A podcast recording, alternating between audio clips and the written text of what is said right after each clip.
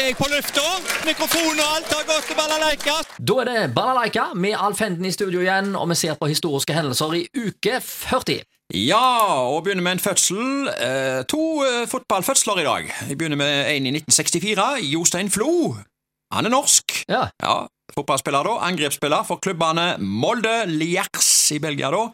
Sogndal, Sheffield United og Strømsgodset. Litt statistikk her. På til sammen 388 kamper for disse skåra Jostein Flo 190 mål. Så spilte han 53 A-landskamper og skåra 11 mål for Drillos. Eh, Og for, for landslaget da så oppsto et begrep på 90-tallet som den dag i dag blir omtalt, nemlig Flo-pasningen. ja. Det var den der lange Ja, Ja. det var en lang pasning opp mot Flo, eh, som skulle stusse ballen videre med hodet, og pasningen ble jo som regel da slått av bekken Stig Inge Bjørneby, så hvorfor ble ikke begrepet Bjørneby-pasning? Nei, kan du si. Det har jeg lurt litt på. Hvorfor ble det på- Det er jo den som slår pasningen som burde fått den oppkalt etter seg. Er du Ja. enig med meg? Men altså, poenget var jo at han var jo så stor og høy og sterk, Ja. jeg på å si, at han kunne vinne inn i feltet. Ja, han ja, ja, jeg, ja, ja, jeg skjønner det, men det burde blitt kalt Bjørneby-pasning. Og hvem som helst kunne jo egentlig ha sendt pasningen, men det var alltid Flo som mottok den. Jo, men- Eller var det det? Eh, ja, det var det jo. Eh, Som den regel. type pasning var det vel han som mottok, men, Ja. eh, og det var vel egentlig alltid jo Bjørneby som slo han. Men vi lar det ligge. La Ja, ja, ligge. Bjørnebo-Flo-pasningen. Ja, det er mye bedre. Ja. Eh, 1981. eh, Zlatan Ibrahimovic født. Svensk-bosnisk fotballspiller. Angrepsspiller som debuterte for Malmö allerede i 1998. Så fulgte ei lang og fantastisk karriere for Ajax, Juventus, Inter, Barcelona, Milan, PSG, Manchester United, La Galaxy og Milan igjen. Ja. Flest kamper og flest skåringer hadde han for PSG. Og så var det A-landslaget til Sverige, da. 62 mål på 116 A-landskamper. Og Zlatan er ennå i gamet. Ja, han er tilbake nå. Ja, altså det vil si For tida er han jo i en rehabiliteringsperiode da etter operasjon, men uh, i en alder av 41 år, som han nå blir altså, så tar han sikte på nok en sesong i Milan. Mm, Ja, han gjør det.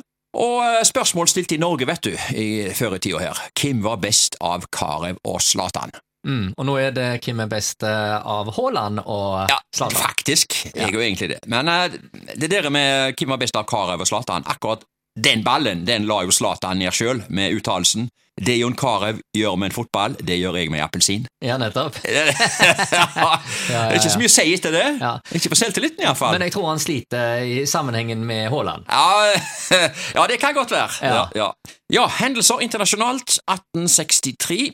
President Abraham Lincoln erklærte Thanksgiving som nasjonalfridag i USA. Den årlige høsttakkefesten hadde tradisjon helt tilbake til 1620-tallet, da britiske innbyggere benytta dagen til å takke Gud for naturens gaver. Og Thanksgiving den holder de eh, fast ved. Ja, den er faktisk omtrent som julaften her. Ja, den er det. Den er det. 1990. Tyskland ble gjenforent som én nasjon, og det betydde at Øst-Tyskland, DDR, faktisk opphørte å eksistere. Mm. Ja, enkelt og greit. Ja. Ja. Så Det var egentlig det kunstig stat oppretta i Ja, det var jo det. uansett. Så. Det var jo det. Han Ja. ble, men han ble jo 40 år. ja, ja, Han ble det, ja. Uh, vi går og ser på hva som gikk på kino i uke 40. Uh, 2006 på Edda. The Devil Wears Prada. En komedie fra New Yorks heftige moteverden. I hovedrollene Meryl Streep og Anne Hathaway. Alle kunne gå på den. Mm. Ja, Ikke aldersgrense. Så gikk filmen World Trade Center, historien til to politimenn som på mirakuløst vis ble redda fra ruinene da av World Trade Center. Eh, Der var Nicolas Cage i hovedrolla, 15-årsgrensa på den. Og så gikk filmen Etter bryllupet, dansk film med Mats Mikkelsen i hovedrolla der, 11-årsgrensa. Og så gikk filmen Over hekken, animasjonsfilm med norsk tale. Eh, alle kunne gå på den. Og så tar jeg med en film til, 20-årsgrensa.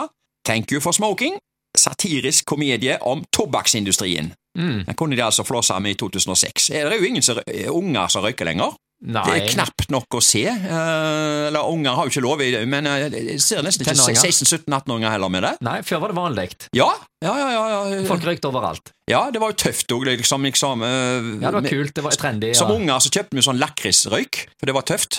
ja nettopp. Gjorde jo det. Ja, ja, ja. Selger ikke det lenger heller, gjør de det? Nei, jeg tror ikke det er lov, Nei, jeg tror ikke det er lov. Nei, Nei.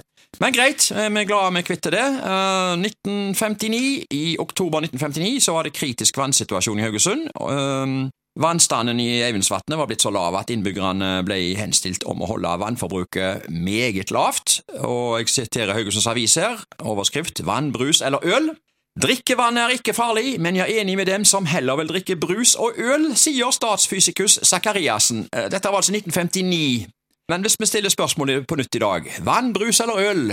Ja. Eh, Ja, hva foretrekker vi? Nei, det kommer an på tidspunktet på Ja, dagen det- og i uka ja. og anledning Det er en del eh, Ja. variabler som vi skal innom her for å bestemme oss for det. I Måkebergbussen så er vel valget ganske klart. Der er det ganske klart. Men vi, vi begynner jo dagen med vann. Ja, jo som regel det. Ja, og, Eller melk. Ja, og det er vel egentlig det vi avslutter med òg.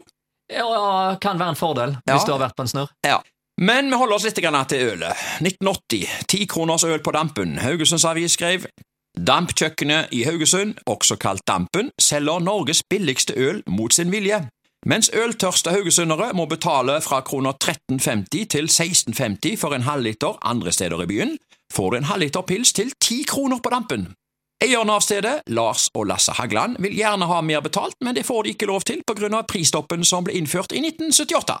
Ja, og det der tikronersølet på dampen, det varte i flere år. Det litt utpå 83 og 84, tror jeg. Eh, så, uh, så det var mange som eh, gikk jo i etter om det, at det der kosta bare ti kroner. Så uh, de fikk en del gjester på det. Jo, nok kan, det. kan muligens ha tjent jo på det, at de fikk mer folk inn og fikk solgt mer, eh, selv om det var til ti kroner. Ja, De var Så- gjerne eh, til senere på kvelden når de satte prisene opp igjen. jeg vet ikke. Nei. Eh, men eh, ja, eh, det ble slutt på det da, til slutt, og det ble slutt på dampen òg, Ja, ja, ja.